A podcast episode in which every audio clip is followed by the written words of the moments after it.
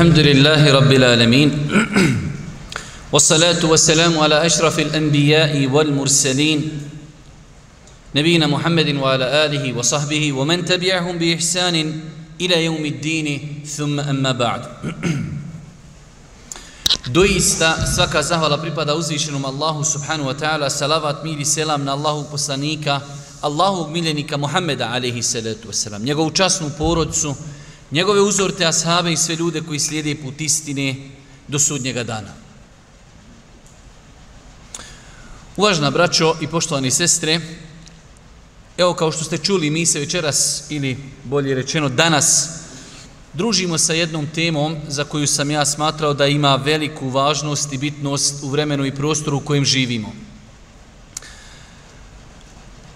Ja generalno imam običaj kada god počinim neku tribinu ili neko obraćanje da spominjem nekoliko faktora koji ukazuju na bitnost ove, na bitnost tematike o kojoj izlažimo.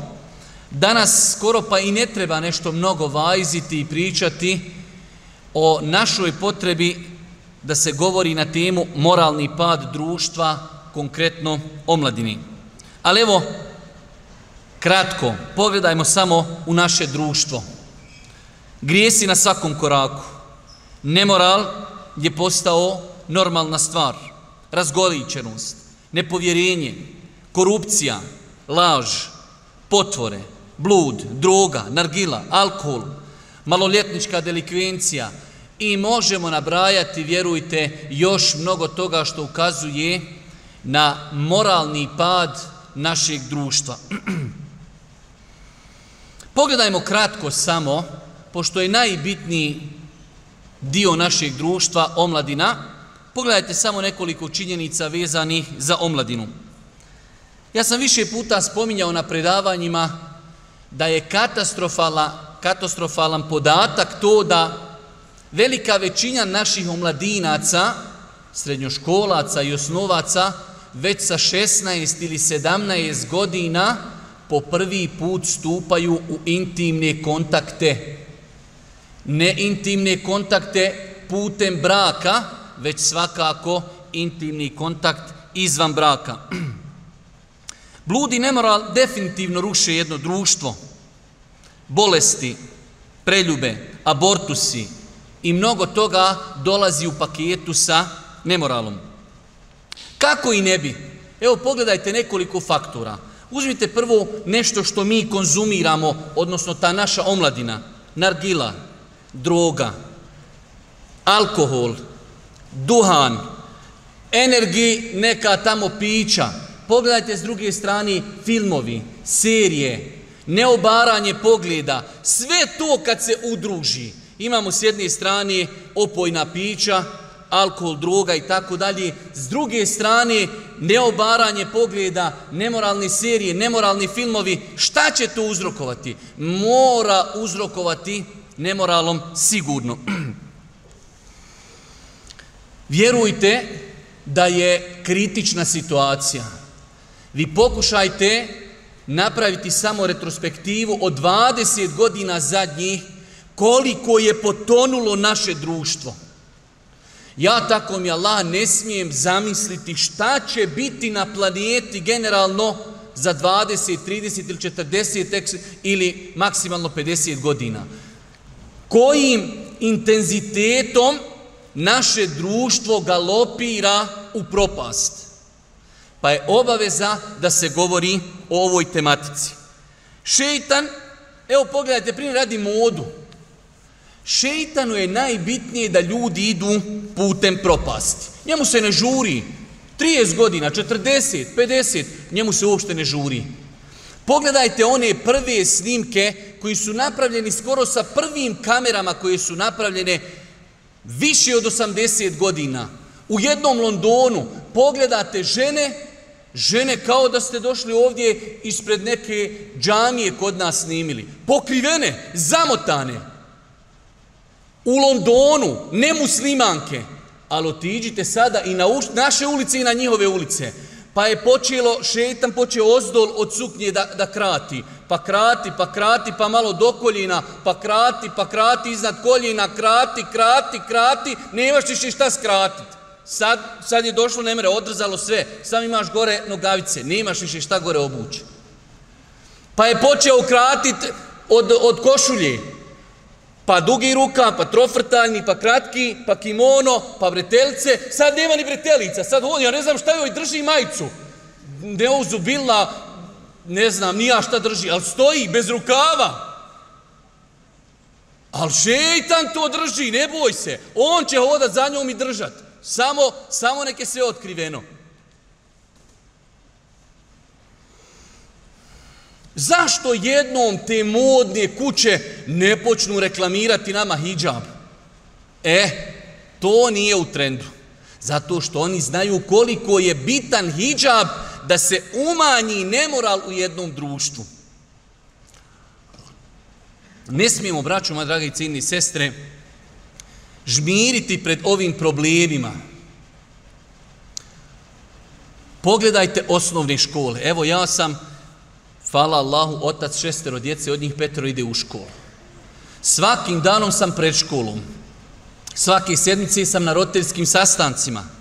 Šta čovjek može vidjeti kada čeka svoju djecu pred školom? Šta može čuti kada dođe na roteljske sastanke? Šta može čuti od svoje djece? Šta se sve u razredima dešava? Šta se sve na maturama dešava? Šta se sve na ekskurzijama dešava?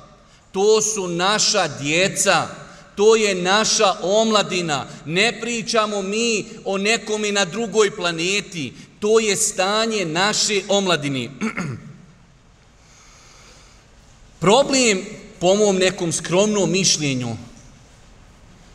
jeste onog momenta kada mi i generalno na svijetu sada vam je došlo obrazovanje, bitno je da dijete ima informacije, zna matematiku, zna fiziku, zna hemiju, To u školi djeca sada uče, ne samo u Bosni.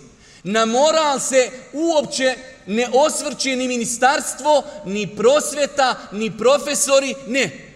Bitno je da je djete naučilo, ispit prošlo i završena stvar, što je katastrofa. Pogledajte ponašanje naše dječice na maturama. Pogledajte ponašanje naše dječice na ekskurzijama. I ne da se, oni se ne stide toga, oni se time ponosi, diče se time. Pa je problem, znači jedan od problema jeste što se u školama djeca više ne uče moralu. Bitno je da dijete prođe na ispitu. Isto tako, kao najbitniji faktor našeg društva, omladina, pogledajte njihov odnos prema porocima pa ćete vidjeti većina učenika u osnovnim i srednjim školama konzumiraju duhan. To je normalno. Nargilu, većina. Većinom su već stupili u intimne kontakte. Pogledajte njihov vokabular, pogledajte njihovo ponašanje, pogledajte njihove ambicije. S druge strane, pogledajte njihov odnos prema porodici. Pogledajte zahvalnost prema roditeljima, pogledajte respekt prema roditeljima, pa na kraju krajeva iz tog materijalnog aspekta, pogledajte te naše omladince koliko su spremni da materijalno olakšaju roditeljima, da oni neku marku zaradi. Tu je više nepoznanica. Roditelji su postali kao bankomati. Samo daj, samo plati, samo ponesi. Samo ponesi. S druge strane, ta naša omladina, srednjoškolci, fakultetlije, pogledajte njihovo nezainteresovanje šta se dešava u državi. Neki ljudi, ja im ne vjerujem, ali eto, neki ljudi školovani kažu da sada situacija je gora nego što je bila 92. Kritičnija. Našim omladincima, daj ti njemu ušnjak, daj mu mobitel, daj mu mobitel, daj da on uđe u nargila bar, da se on uslika u dimu. Šta se dešava oko njega? Ma njega uopće ne interesuje. Dvije nacrtane koze, ako bi mogo sačuvati od podi do kindi, evo glavi. To je hal i stanje naših omladinaca. Kriza autoriteta. Koja autoritet našoj omladini? Dvije najveće, hajde da kažemo, najbitnije stvari u državi jesu političari i vjerski, hajde da kažemo, uposleni ljudi. Dajte mi jednog omladinca da kaže ja bi volio da budem kovaj političar. U smislu karizma, hrabar, pošten i tako dalje. Može reći ja bi da budem kovaj dobro krade, dobro plaha, ima dobar auto, hoću ko onda budem. Dajte mi nekog omladinca daju bilo koga da neko od omladne kaže ja kad narastem bit ću ovakav. Neće niko. Pa kriza autoriteta također je jedan opasan problem kojeg imamo na terenu. U svakom slučaju, zaista, zaista, žalosno je što se ovoj tematici toliko malo pažnje posvećuje. A vjerujte, naše društvo gori. Nije to da to malo dimi. Požar. Mi smo u požaru. Ništa, mi lagano na bazenu. Požar. Pored nas država gori. Mi se ne osvrćemo na te stvari. Kad kaže mi se ne osvrćemo, ne osvrće se naše školstvo, ne osvrću se mediji, ne osvrće se država. Jednostavno, nek ide, nek voda nosi. Islam, braću moje draga i ciljni sestre, je mnogo pažnji, znajući koliko pozitivnosti proizilazi iz morala, Islam mnogo pažnje posvećuje moralu. Allahu poslanik alih salatu wasalam kaže u redostojnom hadisu in nema bu'iftu li utemime mekerime l'ahlaq doista samo, samo sam poslan da bi upotpunio moralna svojstva kod ljudi. Svoju poslanicu, kompletnu Muhammed alihi salatu wasalam rezimira i kaže ja sam samo poslan da bi upotpunio moralna svojstva kod ljudi. To je islam. Toliko islam pažnje posvećuje toliko islam pažnje posvećuje moralu. Allahov poslanik, najuzoriti insan, Lekad kane lekum fi rasulillahi usvetun hasene. Vi u poslaniku, alihi selam, imate divan uzor. Wa inneke la'ala huluqin azim. Allah Đelešanu kaže, doista si ti, Muhammede, na visokom stepenu morala. Pa je njegov život sav moral. Pogledajte samo neke hadise, a jedan tako mi Allaha od njih je dovoljan da nam predstavi koliko Islam pazi na moral. Kaže Allahu poslanik alihi salatu wasalam, kada je upitan š, zbog čega će najviše ljudi ući u džennet, šta je rekao? Husnul huluk, najviše ljudi će u džennet ući zbog morala. Allahu ekber. Allahu ekber. U islamu je moral na tako visokom mjestu da će najviše ljudi u džennet ući zbog morala. Kaže Allahu poslanik alejhi salatu vesselam najteže dijelo na vagi sudnjeg dana jeste lijepo ponašanje. U drugom hadisu kaže Allahu poslanik čovjek lijepi moralom dostiže stepen ljudi koji neprestano poste i klanjaju noćni namaz lijepim i moralnim ponašanjem. Čovjek posti svaki dan, klanja cijelu noć, imamo drugog koji je čedan, pošten, pametan, povjedljiv, hrabar. Njih dvojca na istom stepenu. Kaže Allah u poslanika, ali se letu selam, kada govori one tri kategorije kom je garantuje džennet. Pa džennet u podnožju, kuća u podnožju dženneta, kuća u sredini dženneta, kuća u najvećim vrhovima dženneta kome? Onome koji ima lijepo ponašanje. Allahu ekber. Onaj koji ima lijepo ponašanje ide skroz u najveći vrh dženneta. Kaže Allahu poslanik u vjerodostrom hadisu, najpotpunijeg imana su ljudi sa najpotpunijim ponašanjem. Nemoguće je razdvojiti te dvije stvari kao tijelo i duša. Ne može biti muslimanka, ja musliman lošeg ponašanja. Nemoguće. Nemoguće. Njegovo vjerovanje se mora reflektovati na njegovo ponašanje. Najpotpunijeg imana su ljudi sa najljepšim ponašanjem. Uzmite neka svojstva kojima poziva islam. Stid, dobročinstvo u njegovom širokom eh, hajde da kažemo, svatanju, povjerenje, udjeljivanje, pozivanje u dobro, briga o roditeljima, briga o starima, briga o rodbini, bogobojaznost, optimizam, čuvanje pogleda, čuvanje jezika, čuvanje spolnog organa, zahvalnost, blagost, hrabrost, čednost, moralnost, strpljenje, ambicioznost, pokajanje, samoobračun, odgovornost, To je ono gdje treba da se natječe naša omladina. Ne da se natječe ko će se više razgolitit, ko će se više napit i tako dalje. Evo uzmite stid. Ja sam ubijeđen da je jedan glavni problem današnjeg e, društva nedostatak stida. Kaže Allahu poslanik alejhi salatu vesselam el haya'u khairun kulluhu stid on je kompletan hajr. Nemoguće da stid bude, da u stidu bude nešto loše. Kaže u drugom hadisu, Allahu poslanik alaihi salatu wasalam, Allah je živi i on se stidi. Voli stid kod svojih robova. Voli stid kod svojih robova. Kaže se u trećem hadisu, Allahu poslanik kaže, od prijašnjih ljudi, od prijašnjih ljudi kroz historiju do današnjeg dijela čovečanstva došlo je nešto što se prenosi iz koljena na koljeno. Iza lem te stehi, fasna mašit.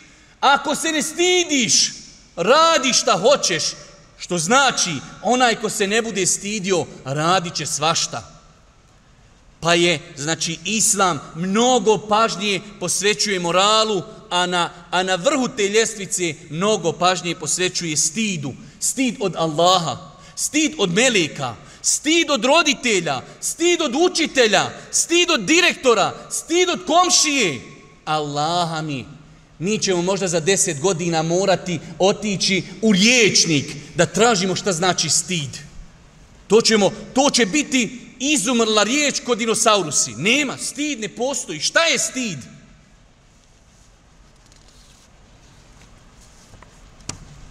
Nakon ovog nekog, nazovimo ga malo dužeg uvoda, ovo što mi vidimo, moralni pad društva, da li se za njega samo vezuju problemi na ahiretu? Bio si nemoralan, dobro, na ahiretu ćete, hajde da kažemo, obračunati. Nije, to je problem. Moral, odnosno nemoral, ljudi već na dunjaluku vide njegove negativne plodove.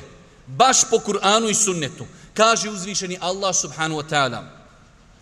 وَإِذَا أَرَدْنَا أَنْ نُهْلِكَ قَرْيَةً أَمَرْنَا مُتْرَفِيهَا فَفَاسَقُوا فِيهَا فَحَقَ عَلَيْهَ الْقَوْلُ فَدَمَّرْنَاهَا تَدْمِيرًا Kada hoćemo jedan grad uništiti, kada hoćemo jedan grad uništiti, onima koji su u njemu na raskoš navikli, prepustimo ih da se razvratu odaju.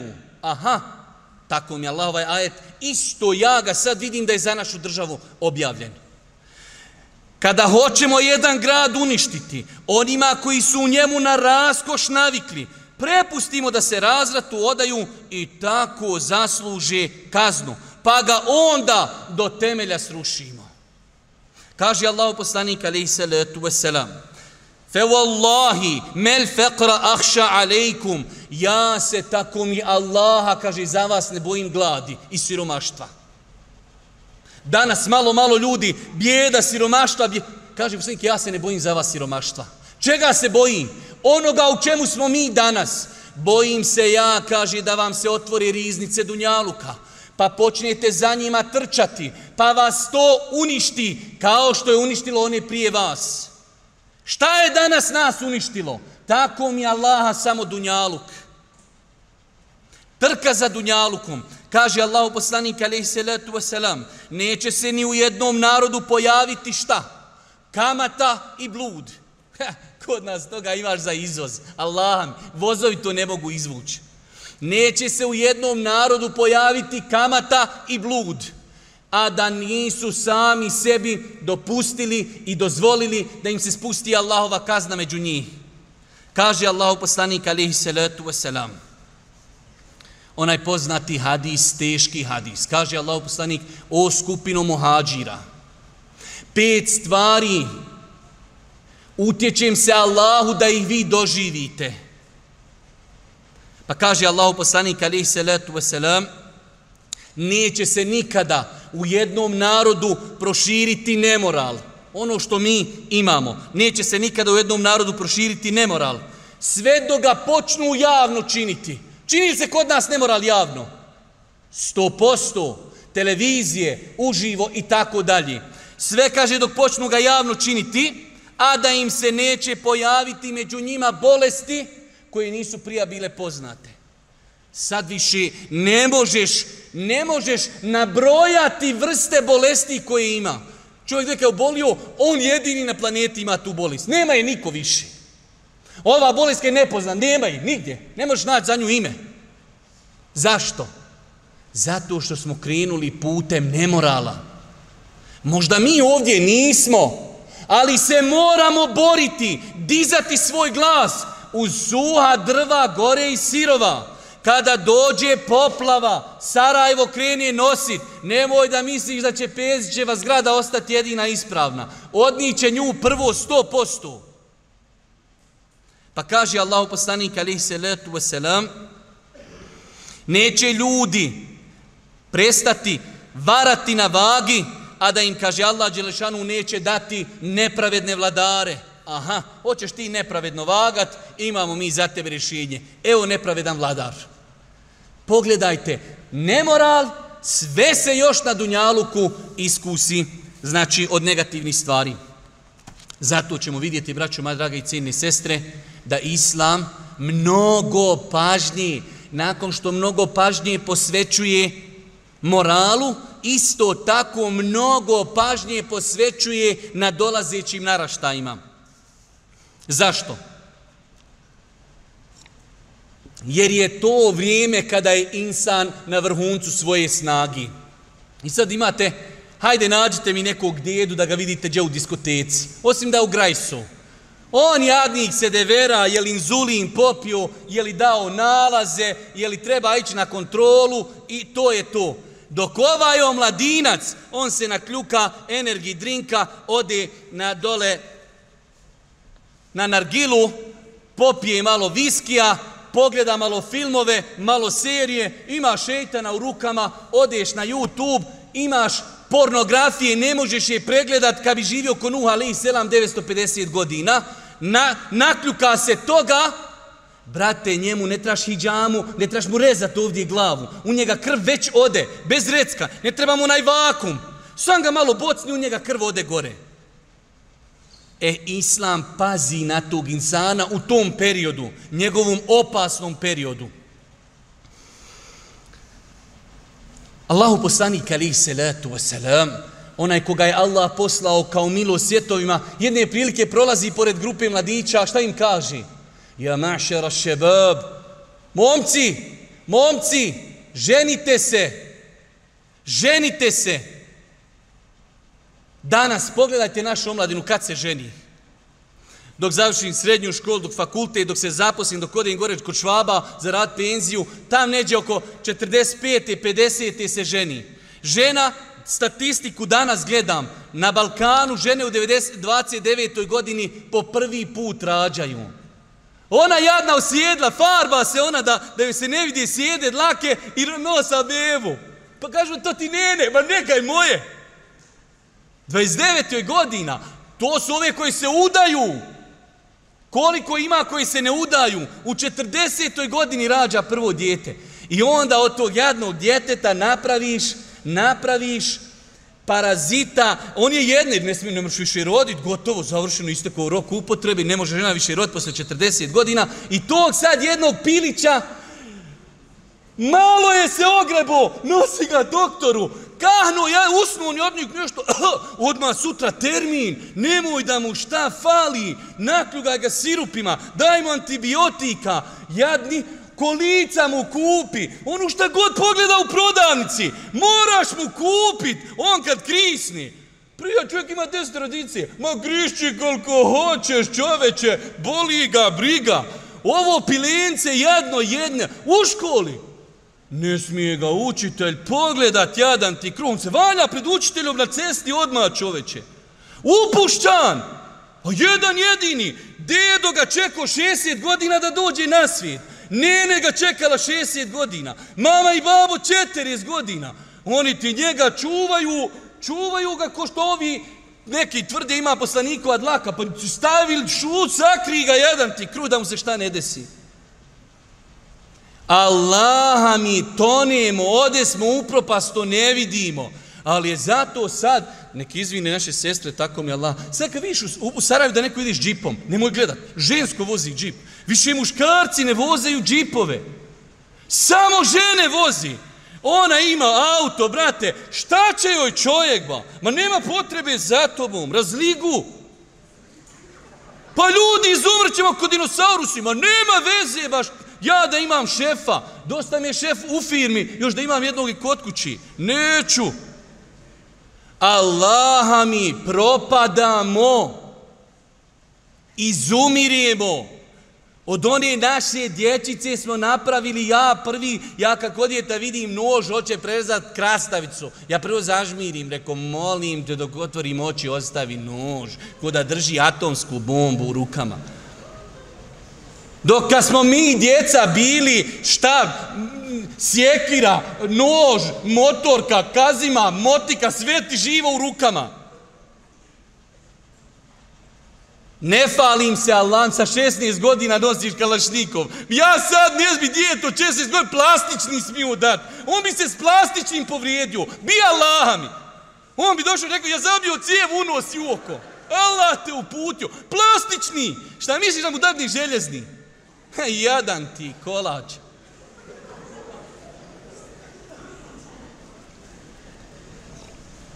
Allahu poslanik alihi salatu wasalam šalje vojsku, zadnja vojska koju je opremio Boži poslanik. U njoj Ebu Bekr, u njoj Omer, u njoj svi veliki ashabi stavlja na čelo vojske u samu Ibnu Zejda. Neki kažu imao 18 godina, neki kažu imao i 20 godina. 20 godina tada. Allaha ti sve višnjeg, haj našemu mladincu od 20 godina, daj mu dvije nacrtane koze, kažeš, aj molim te, ovaj papir, ne čuvat podni do ikindije. Dođe na ikindije, ja izgubio papir. Koze dvije, ni žive, da mu žive dadiš. Ma njeba bi koza odvela gore na drvo. Usame ibn Zeid vozi, vodi vojsku. I to nije postavljen po nikakvoj šteli. Postavio ga Muhammed alihi salatu wasalam po objavi uzvišenog Allaha. Znači, može se insan do 20. odgojit samo kada ima odgoj. Ali ako od njega praviš e, karton, naša djeca su sad stiropol, karton. Zato što ih tako odgajamo. Znajući koliko je bitan taj period izazova i strasti, Allahu poslani kaže sedam kategorija će biti u hladu arša na sudnjem danu. Prvo godina pravedni vladar, drugi odma, jer je on kritičan, on je bitan. Ako on nije dobar, ode problem društvo. O mladinac koji je posvetio svoj život Allahu subhanu wa ta'ala pokoran, čuva Allahove subhanu wa ta'ala granice. Mi, pogledajte, Vidjeli ste koliko puta neka akcija, nekom čovjeku trebamo napraviti kuću ili neka operacija, mi se solidarišemo i okej. Okay da treba da napravimo instituciju koja će odgajati našu djecu. Možete pokrenuti koliko god hoćete Sergija, nećete dobiti marke ni od kog. Zato što ljudi ne vide da su u problemu, ne vide u kakvom blatu se nalazimo. To je ta naša kratkovidnost ne vidimo šta nam se dešava oko nas. šta Islam nudi tom omladincu? Prva stvar, nudi mu da svati koliko je bezvijedan kad se odalji od Allaha i od njegovih principa. To samo može Allaha mi. Imate dijete u razredu, njemu, njemu je žao njegovih školskih prijatelja koji kao uživaju u tom nemoralu. Ali jedino ti islam može prosvijetliti mozak da shvatiš šta znači biti u alkoholu, šta znači biti u nargili, šta znači biti privarant, šta znači i tako dalje. Pa ti islam otvara vidike, otvara ti razum da stvari doživljavaš onakve kakve jesu, da ne dopustiš da ti mediji zamute pamet i mozak pa da od zla vidiš dobro. Pa islam, islam o mladincu to daje. Da može jasno vidjeti šta je moral, šta je nemoral, šta je dobro, a šta je zlo. Isto tako, evo pogledajte ta naša omladina. Jedan, samo jedna korist, kada insan hoće da razmišlja hladni glavi, ovi poroci koji non stop nabrajamo, i duhan, i alkohol, i droga, i tako dalje, nargila, ima li u tome jedna korist? Normalnog čovjeka dovedete, pustite islam, pustite bilo koju religiju, normalan čovjek, i kažeš mu, na duhanu piše, duhan šteti, ubija. Hoće li to čovjek uzeti? Nemoguće!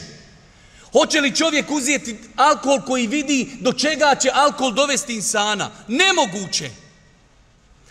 Pa znači toliko jednostavno Islam nam otvara oči da oni poroci koji su rasprostranjeni u društvu nemaju niti jednije koristi za insana.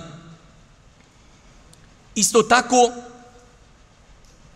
Islam tom omladincu od rane mladosti daje da razumije stvarnost Dunjaluka. Vi pogledajte danas, ja sam to nekad davno govorio, znači, Šta je danas omladinac sve spreman urati da ima dobar mobitel?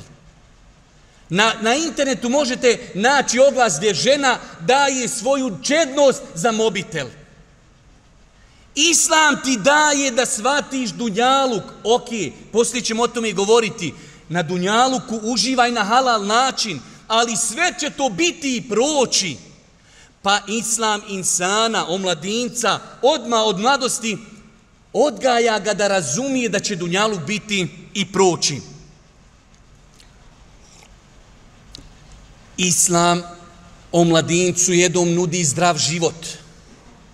Mi imamo veliki problem što velik broj naših omladinaca smatra biti musliman, biti muslimanka, prakti, praktičar vjeri, to je teško, to su neki okovi, to su neka ograničenja. Allahom vam se kunim da dođe neki čovjek koji možda živio prije 100-150 godina i mi ga sad bacimo kod nas. Pogleda stanje naše omladini. Nije problem da se alkoholizira, nije problem diskoteka, nije krađa, nije blud, nije nemoral, već je ovaj uškol jadnik koji to ništa ne radi, on je problematičan. Čovjek bi rekao, ljudi, jeste vi normalni? Jesam se ja negdje izgubio? Na kojoj sam ja planeti? Ali koliko su mediji nama isprali mozak – Sada moralno dijete se stidi što ne ide na ekskurziju, što ne čini blud, što ne konzumira alkohol. Stvari su se okrenule. Pa islam o mladincu nudi zdrav život. Dozvoljava da se bavi sportom. Uživaj na dunjalku sve što možeš što dunjalka stići. Samo neke na halal način. Dvije stvari. Dvije stvari stekni dunjaluk na halal način i nemoj da te on zavede od obaveza prema gospodaru. Stekni dunjaluk, hoćeš da imaš najnovi mobitel, najbolje auto, najbolju kuću, jahtu, imaj šta hoćeš, uživaj. Neispravna je percepcija islama, moraš biti siromašan, moraš biti bjeda, ne, musliman može biti milijardir. Samo neka te milijarde zaradi na halal način, I neka i troši na halal način, neka ga to ne odagna od uzvišenog Allaha subhanahu wa ta'ala. Garantujem da velika većina ljudi danas na planeti ne zna ovu činjenicu. Kad kažeš musliman, e, eh, moraš ona biti bjeda, moraš biti ograničen i tako dalje.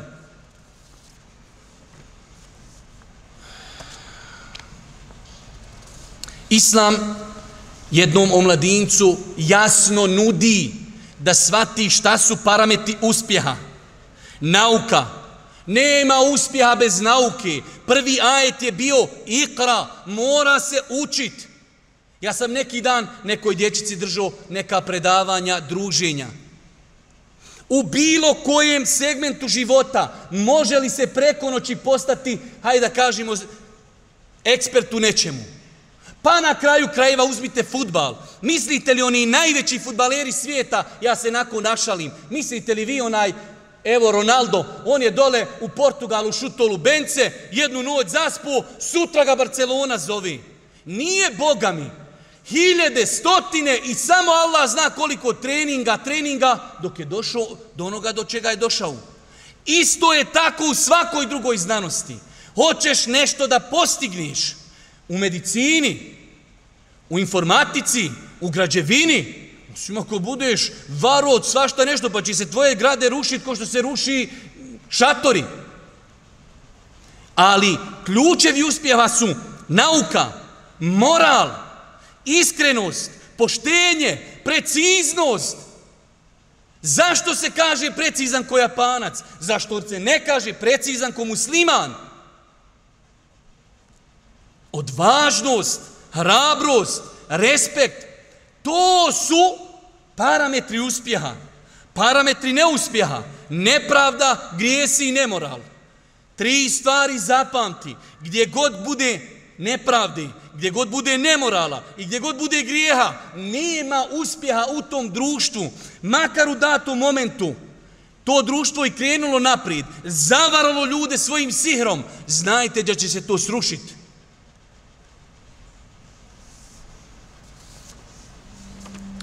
Na kraju, pošto moram ostaviti nekoliko minuta, ako Bog da i da nešto progovorimo ove dvije knjige, na kraju, ali bit će malo kraj duži, nemojte se bojati, nekoliko savjeta, nekoliko savjeta tim našim omladincima. Prva stvar, mnogo je bitno za ljude koji imaju mogućnost da se pokuša raditi na tome, pa na duže staze, Dosta puta ljudi, pošto sam ja eto koliko toliko aktiva na ovim šetanskim društvenim mrežama, kaže, džaba ljudima pričaš, neće se narod popravljati. Moramo pričati, moramo početi. Ako ne počnemo danas, nećemo nikada riješiti problem. Moramo početi razvijati svijest da je glavna i osnovna zadaća školstva da nam odgoji moralno dijete. Džaba meni dijete koje zna na pamet tablicu 100 sa 100, ne interesuje me ako je nemoralno. Ja hoću da glavni cilj obrazovanja i školstva bude moralno dijete. I moramo početi razvijati svijest o tome. Isto tako, mi kao roditelji, nelogično je da dijete vidi babo vara, babo petlja, babo korumpiran, babu možeš kupiti za 10 maraka, da će ti sve živo, a sutra dijete da bude kao moralno, odvažno, hrabro, ništa. Pa moramo mi kao roditelji biti na nivou zadatka, moramo biti primjer našoj dječici kada je u pitanju moral. Isto tako, mediji, nažalost, Nažalost, naj, jedan od najvećih razloga zašto se pokvarilo naše društvo jesu mediji. Muslimani su zapostavili medije. Pa moramo putem medija imati svoje medije i putem njih širiti moral. Jer kao što je se iz tog pravca najviše zamutilo naše društvo, iz tog pravca ga treba najviše i popravljati. Isto tako, nije problem, mi imamo dosta naših omladinaca koji su pali, posrnuli, posegnuli su za nekim nemoralnim postupcima. Nije problem pasti, problem je ostati ležati na zemlji. Nema insana koji nekad u životu nije pao, ali onaj ko hoće uspje mora ustati i biti spreman ponovo pasti i opet ustati. Pa zapamtite danas, kada vaš šetan savlada i zavlada i navede na nešto loše, nemojte ostati ležati na zemlji. Ustanite, podignite glavu i krenite naprijed. Isto tako, čuvajte se loših navika. Ja sam tu dosta puta govorio. Loše navike se brzo stiču a veoma teško ostavljaju. Nadam se da neće gledati, juče mi je bio jedan poznanik, kaže, haj sad moram vam otkriti jednu tajnu, da će ove godine nahađ, kaže meni, molim te, hajde ove godine na refatu, dovi za mene da mi Allah olakša da ostavim duhan.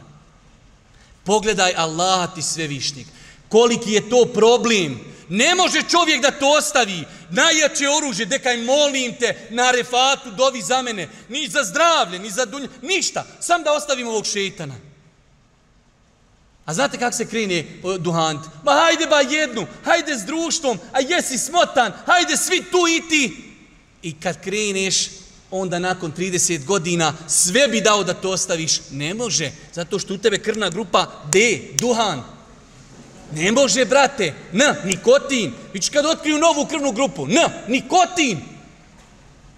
30 godina nikotin, paša. Neki dan gledam čovjeka dole, pored Fahdu i Džambi, on negdje jadnik žuri, malo koji trči. Ali on sad, šta će mora ispuniti malo tu šetansku dozu, on je gurno cigaru u usta i još malo i trči. Allahu, dragi, on sad zamisti njegova pluća, kako njega pluća radi, a on nju još ne drži rukama, nosi jedni cekere i on sad ono sam ima a oni trči i leti, brate, dore pluća, pa njemu će nikotin do velikog prsta dole unić. U dlake na glavi će njemu, toliko će potegnuti, žestoko. Znači, daj cekere, žuri nikotin da napuni dozu, zapali i puni im plućima. Pa normalno da ga neće, od sutra kad treba ostaviti, reći, bubreg, ja ti bubreg sam, nemoj Allah, ti da ostavim duhan.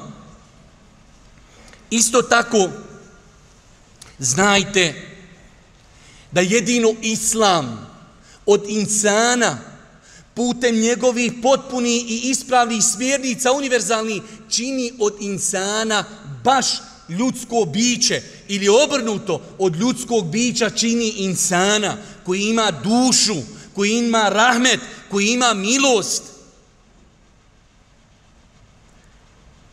Isto tako,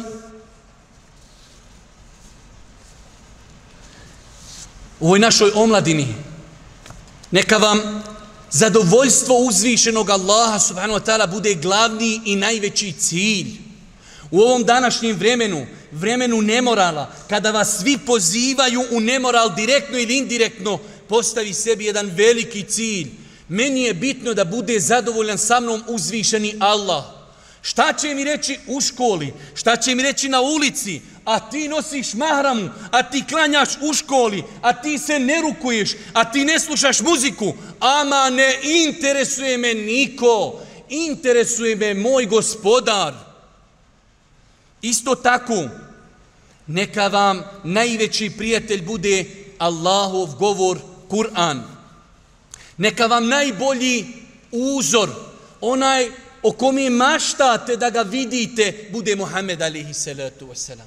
Sada kada bi našu omladini na ulici pitali, molim te, za čim ti maštaš? Koga bi ti volio u životu da vidiš?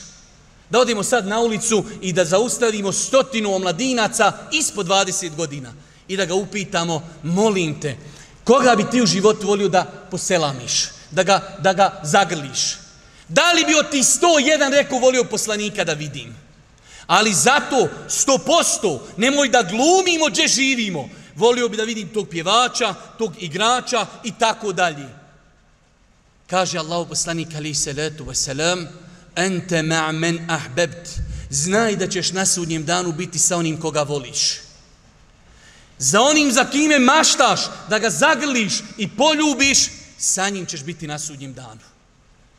Pa neka vaše želje budu u poslanik alihi salatu wasalam i njegovi ashabi. Nemojte sebi dozvoliti da vam neko drugi formira u vašoj ličnosti ko će biti vama autoritet. Sami sebi odabirajte ko će vam biti autoritet. Nemojte sebi dozvoliti, vidite evo sad nas ovdje, tu ne znam koliko nas ima, par stotina. Nemojte da vas poljulja to što velika većina ljudi danas ide pogrešnim putem, po onoj nekoj logici, pa zar je moguće da su svi oni u dalaletu? Jeste, moguće, apsolutno. Nemojte da vas zavara i nemoj da posustate to što si jedini u firmi koji ne krade, to ko, što si jedini u stranci koji nije korumpiran, to što si jedini doktor koji ne uzima mito, to što si jedini političar, e, policajac koji ne uzima mito, nemoj da te poljulja, ostani čvrst, ostani dokaz protiv onih koji su to činili. Ma kaže, svi uzimaju, ja ne uzimam. Tako, nemojte da vas poljulja, nemojte što je manjina ljudi na istini, a što je većina u dalaletu i zabludi. Jeste vidjeli kad budu koncerti 40.000, 50.000? Ma kaže, će, kod Pezića bilo 200 ljudi, tamo 40.000, i je li to moguće svi ovi u dalaletu? Moguće, na stotu moguće. I nemojte da vas to poljulja. Isto tako, tri zadnja savjeta tako mi Allaha, meni je žao te i naše omladine. Oni sa tim svojim postupcima gube i dunjaluk i ahiret. Kada bi insan gubio samo ahiret, to je problem. A gubi je tako mi Allaha i dunjaluk. Šta je postigo onaj momak koji je svaki dan alkoholiziran, koji je nadrogiran? drogiran? Pa jeste vidjeli koliko prije mjesec i po dva dvojica omladinaca od 15 godina u našoj zlatnoj velikoj kladuši ubili komšiju? Pa izgubio i Dunjaluk i Ahiret. Šta je dobila ona djevojčica koja je u 14. godini izgubi nevinost? Izgubila i Dunjaluk i Ahiret. Ahiret. Tako mi Allaha meni je žao ti omladinaca. Za, za glavi će u zatvoru, za glavi će ubit će nekoga. Izgubio i Dunjaluk, izgubio i Ahiret. Predzadnja stvar. Nemojte zaboraviti. I to je ono što sam malo prije spomenuo. U ovim teškim vremenima zaista je teško početi boriti se protiv zla. Ali moramo početi ako budemo glumili da ne vidimo šta se dešava u našem društvu, moramo pogledati istini u oči i početi da se, hajde da kažemo, suprostavljamo zlu. Moramo početi prvo od sebe. Inna Allahe la yugayiru ma bi qawmin hatta yugayiru ma bi enfusihim. Allah neće popraviti stanje jednog naroda dok ne počnu oni sebe popravljati. Hajmo mi početi sebe popravljati. Hajmo neko, svako od nas bude jedna svjetiljka. Neka bude jedna lampa koja će osvjetljavati jedan veliki krug oko sebe. Ali nemoj da padnete u očaj. Nemoguće. Nećemo uspjeti. Moguće. Uspjećemo. Samo ako se budemo trudili. I na kraju, od ljepote ove naše vjerije, jeste bez obzira što insan bio mlad ili stariji, što je nekada i učinio nešto što je loše, da li to bio nemoral, da li to bio bilo šta drugo, naša vjera uvijek na stvari gleda pozitivno. Svakako nije pozitivno što je neko uradio nešto loše, ali ga uvijek primaju bujrum, vrati se, ustani, Nemoj ostati ležati na zemlji. Bez obzira šta insan da je uradio, bez obzira kolike grijehe počinio, vrata pokajanja u islamu su otvorena. Ja znam da se mnogi na mene ljute, ali me to uopće ne interesuje. Imate ljudi koji bi više volio, ne, neka ga u jarku, neka ga u diskoteci, nemoj nam ga u džamiju, bit će nam tjesno u prvom safu, jer svi u prvi saf stanemo. Sva nam je džamija tjesna, pa sad ako nam još jednog uguraš u saf, bit će nam potjesno pa neka ga u jarku. To je neispravno. Bez obzira šta je uradio i kakve grijehe činio, ljudima otvorite vrata da se vrati, da se popravi. Molim uzvišenog Allaha subhanahu wa ta'ala da nas učesti na putu istine. Molim ga subhanahu wa ta'ala da nam oprosti grijehe i na kraju subhanake Allahumma bihamdike. Ešhedu in la ilaha ilan stakfiruke ve tubu ilike.